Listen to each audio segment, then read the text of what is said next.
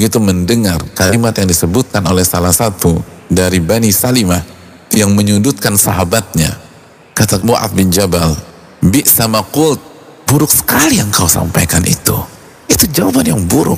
Bi sama kult, itu seburuk-buruk ucapan. Lalu Mu'ad bin Jabal membela kehormatan Ka'ab bin Malik. Demi Allah, wahai Rasulullah, kami tidak pernah mengetahui Ka'ab bin Malik kecuali selalu berada dalam kebaikan. Maka Rasul pun diam. Lihat bagaimana sikap seorang sahabat ketika sahabatnya digibahi, dibela oleh Mu'ad bin Jabal. Ini adalah syariat Allah Subhanahu wa taala. Membela kehormatan saudara kita, teman kita ketika dijatuhkan orang.